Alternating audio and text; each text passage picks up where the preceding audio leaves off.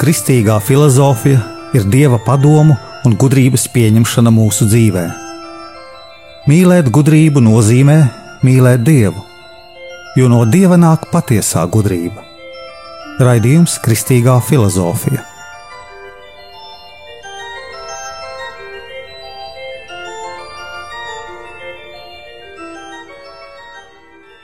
Es esmu Jānis Valtra Vitsenheims, un ar jums ir 20. raidījums Kristīgajā filozofijā. Cilvēks nav patiesības mēraukla.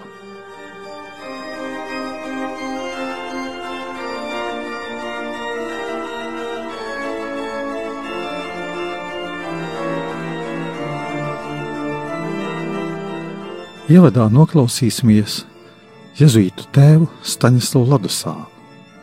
Cilvēks nav patiesības mēraukla. Īstenība, realitāte ved uz patiesību. Neviens cilvēks nav e, patiesības pazīšanas mēraukla, bet patiesības pazīšanas mēraukla tas ir kriterijs, veigu un visaugstākais kriterijs ir īstenībā, ir realitāte. Tātad tā minētā prakse, e, reālās domāšanas prakse, e, rada filozofisko e, ievirzi, kas vada, kas rada sajūsmu, nodoties dzirdamībai un pār, tā pātrināt progresu. Ja cilvēks atrodas no realitātes, tad viņš pazaudē to sajūsmu, ko dod filozofijā. Tāpēc ir ļoti svarīgi, lai audzēknis, kāds no jums nodotos aktīvi studijām, gan daudzpusīgi apsverot pierādījumus, gan diskutējot e, tēzes, gan arī griežoties ar jautājumiem pie profesora, lai neatstātu bez atbildes grūtākos jautājumus.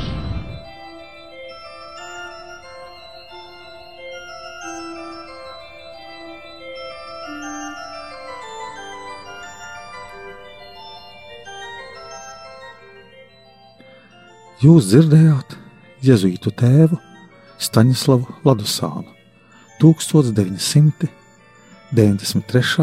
gada ierakstu.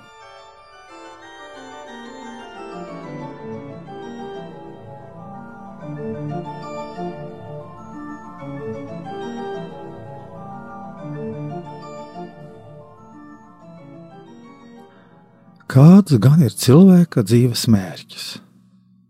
Vadoties pēc patiesības. Tā ir sirds skaidrība un sirds tīrība. Lai sirds būtu tīra, mums jāatstāj viss, kas mūs saistā ar šo pasauli, un galvenais - mūsu kaislības. Ja mēs stāvam uz trepēm, mums nav jāpieliek pūles, bet, ja kāpjam augstāk, mums jāpieliek savs spēks. Ja esam uzkāpuši augstu, mums jau grūti noturēties pie pašiem augšējiem pakāpieniem. Līdzīgi ir arī ar garīgo dzīvi, ar garīgās dzīves augšējiem pakāpieniem. Par piemēru paņemsim kādu sporta veidu pasaules čempionu. To ir daudz, viņi to sasniedz. Bet cik grūti gan ir viņiem noturēties šajos sasniegumos un nākošajā gadā atkal to pašu sasniegt. Līdzīgi ir ar garīgo dzīvi.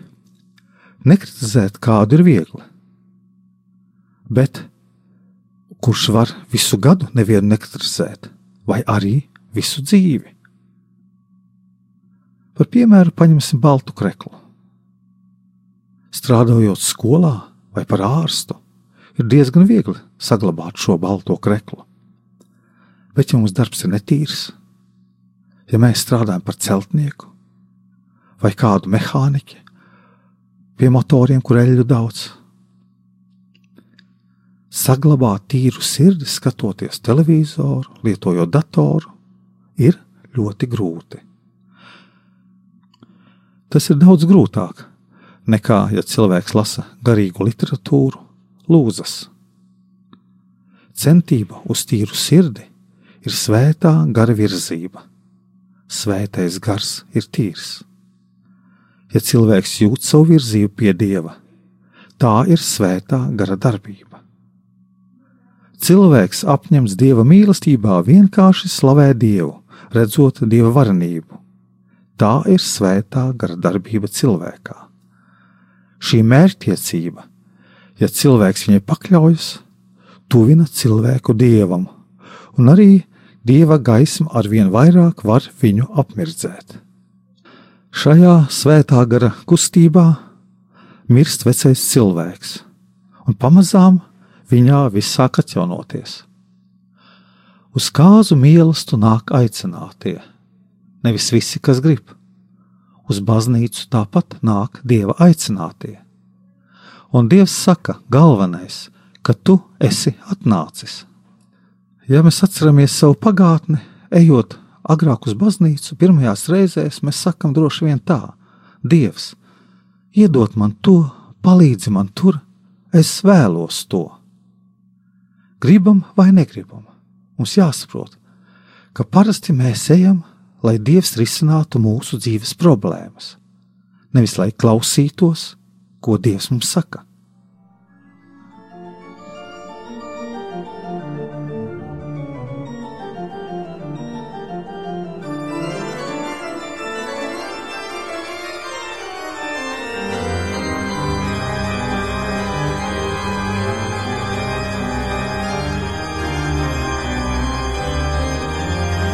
Mēs, kas atsaucamies Dieva aicinājumam, esam aicināti uz Viņa kāzu mīlestību.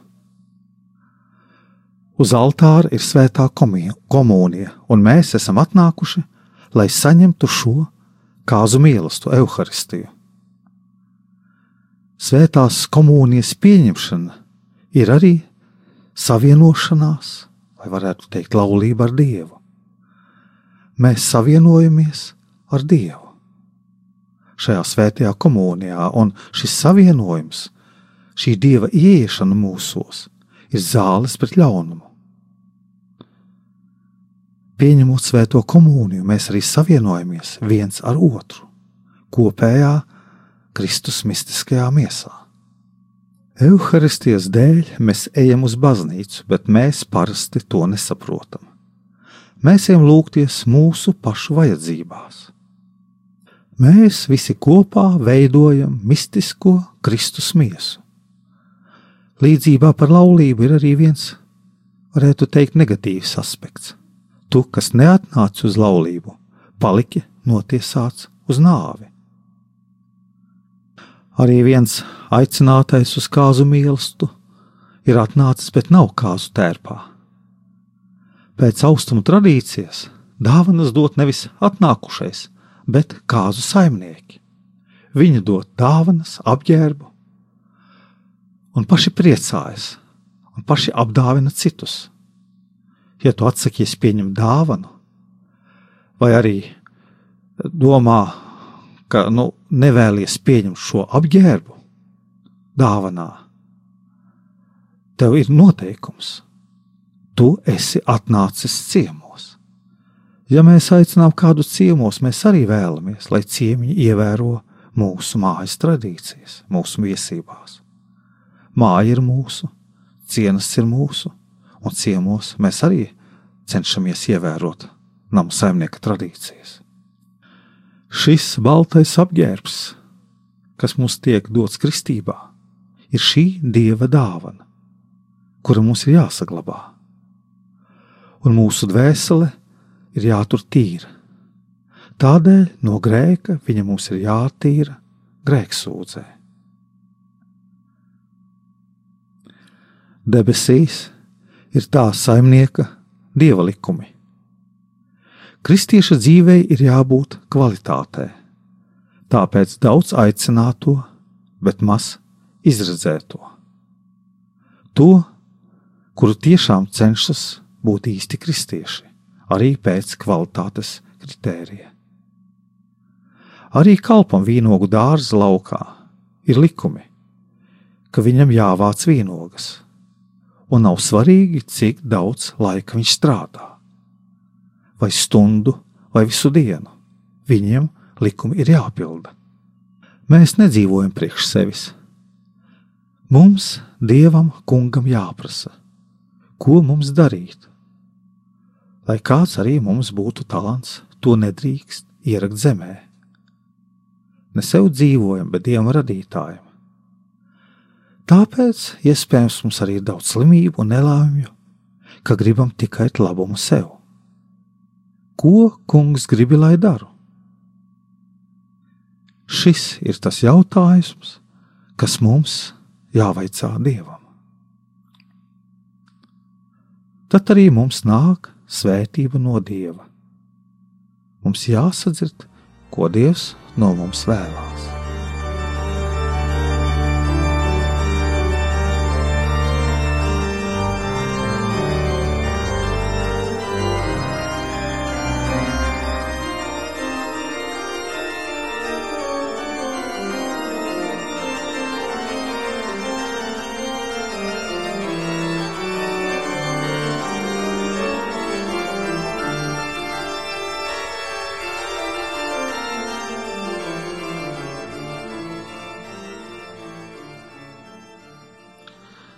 Bet ko vēlamies mēs, cilvēki? Protams, mēs vēlamies būt laimīgi. Iedziļināsimies laimē. Problēma par cilvēka laimi šodien ir ļoti aktuāla. Arī no vēstures mēs zinām, ka cilvēks vienmēr ir meklējis laimi, vēlējās būt laimīgs. Cilvēki un tautas meklē laimi dziļā sakarībā ar ticību, ar reliģiju. Šodien ir cilvēki, ir humānismi, kas šķir laimi no reliģijas un meklē to ārpus reliģijas. Šos visus meklējumus mēs varētu saukt par ideoloģijām. Ir idejas, kuras cilvēki attīsta, un ja viņi nav ar Dievu, protams, viņi iet citu ceļu. Ko par to saka reliģijas filozofija? Reliģijas filozofija atver dziļus, augstus, plašus apvāršņus un liek realistiski mums domāt. Metafiziskais realisms saista cilvēku ar dievu kā visaugstāko labumu un mērķi. Nu, to analizējot, mēs varētu teikt tā: pirmkārt, analizējot gribas formālo aktu, otrkārt, iedziļinoties pieredzē, un treškārt, novērojot mūsu laiku cilvēku. Ja ņemam vērā gribu kā gribas būtību, tad gribas būtība ir labums kā tāds, kas ceļas pāri katram labumam bet ne tāds vai cits labums, kas mums dod materiālu labumu. Analizējot cilvēka mīlestības dzīvi, kas fundamentāli raksturo gribu, jāsaka, ka cilvēks nes savā garā neierobežotu mīlestības tendenci. Tāpēc cilvēks tiecas uz neierobežotu labumu lai nomierinātu savas slāpes pēc laimes, lai būtu laimīgs. Ņemot vērā šo gribas neierobežoto tieksmi pēc laimes, jāsaka, ka ir arī neierobežots labums, pēc kā cilvēks tiecas. Un šis labums, kā cilvēka pietiekošais un neierobežotais priekšmets, kas vienīgi var apmierināt cilvēka gribu eksistēt.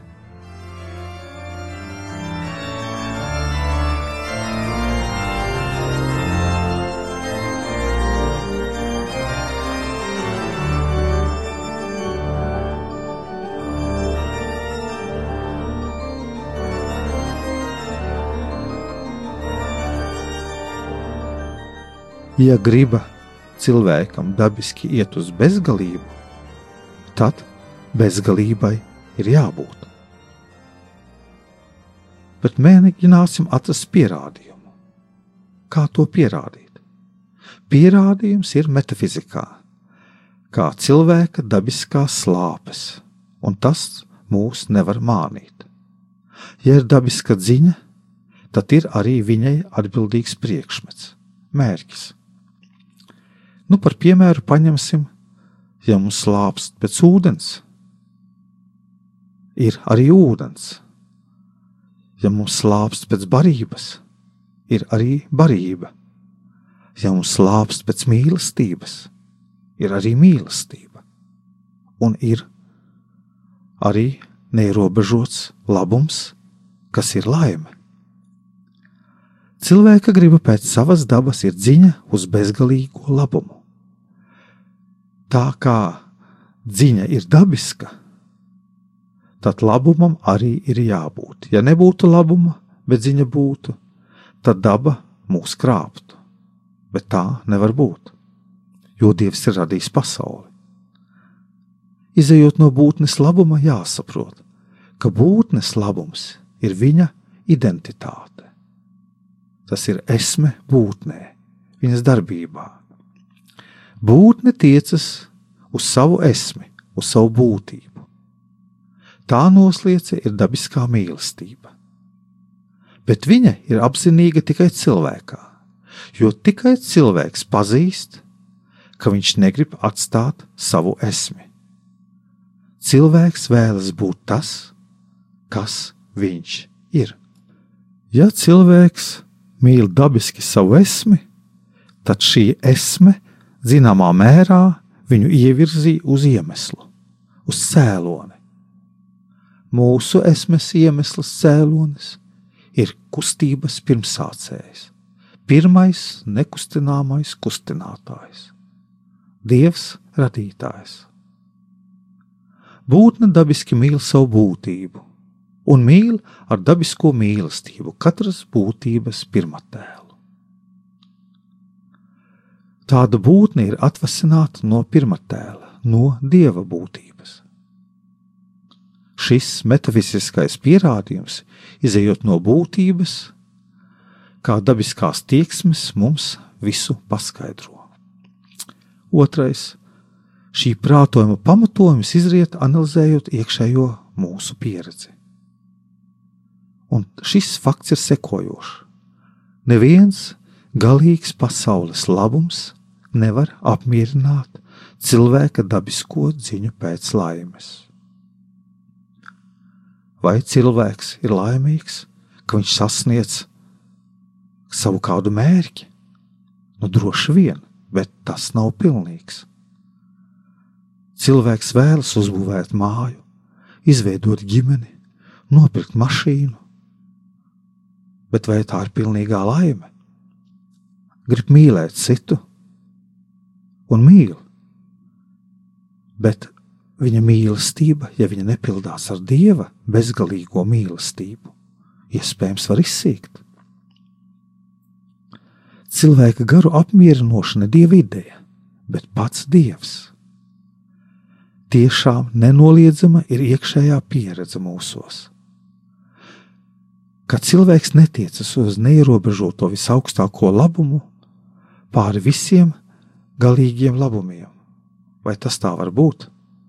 Nē, viņš tiecas, viņš tiecas ar vien tālāk, lai sasniegtu pilnību. Bezgalīgais labums, Dievs ir realitāte, skaistums, mūsu ticība un mīlestība, un tas ir būtnē, ko saucam par Dievu.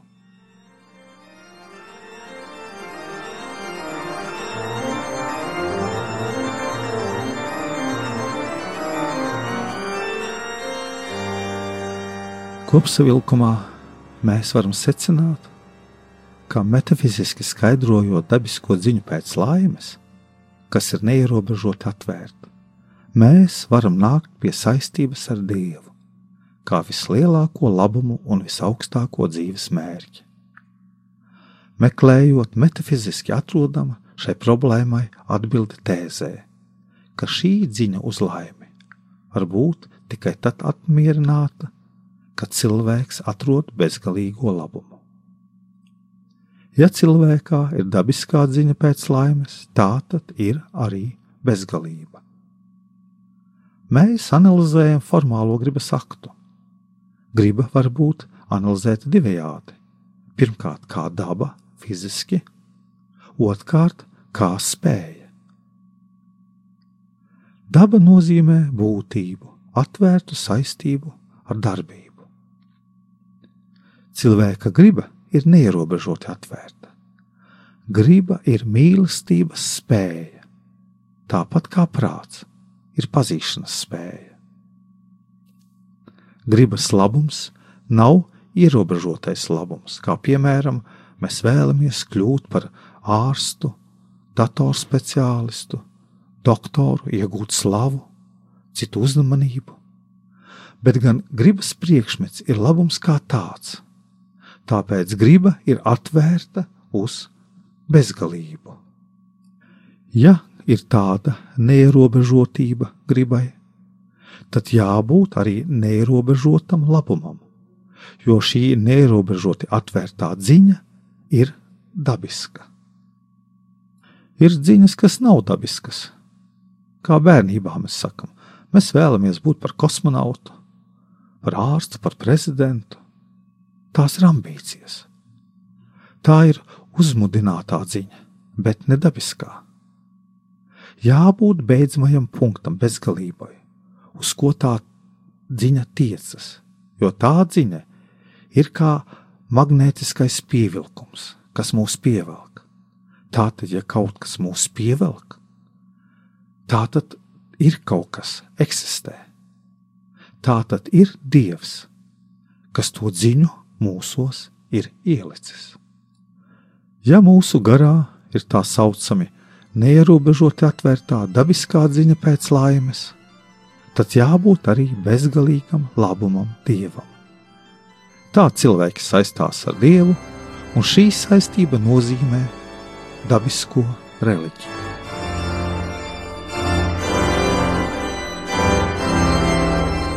Jūs klausījāties kristīgo reliģiju par cilvēka gribu, kas pēc savas dabas tiecas uz bezgalīgo labumu, radītāju dievu.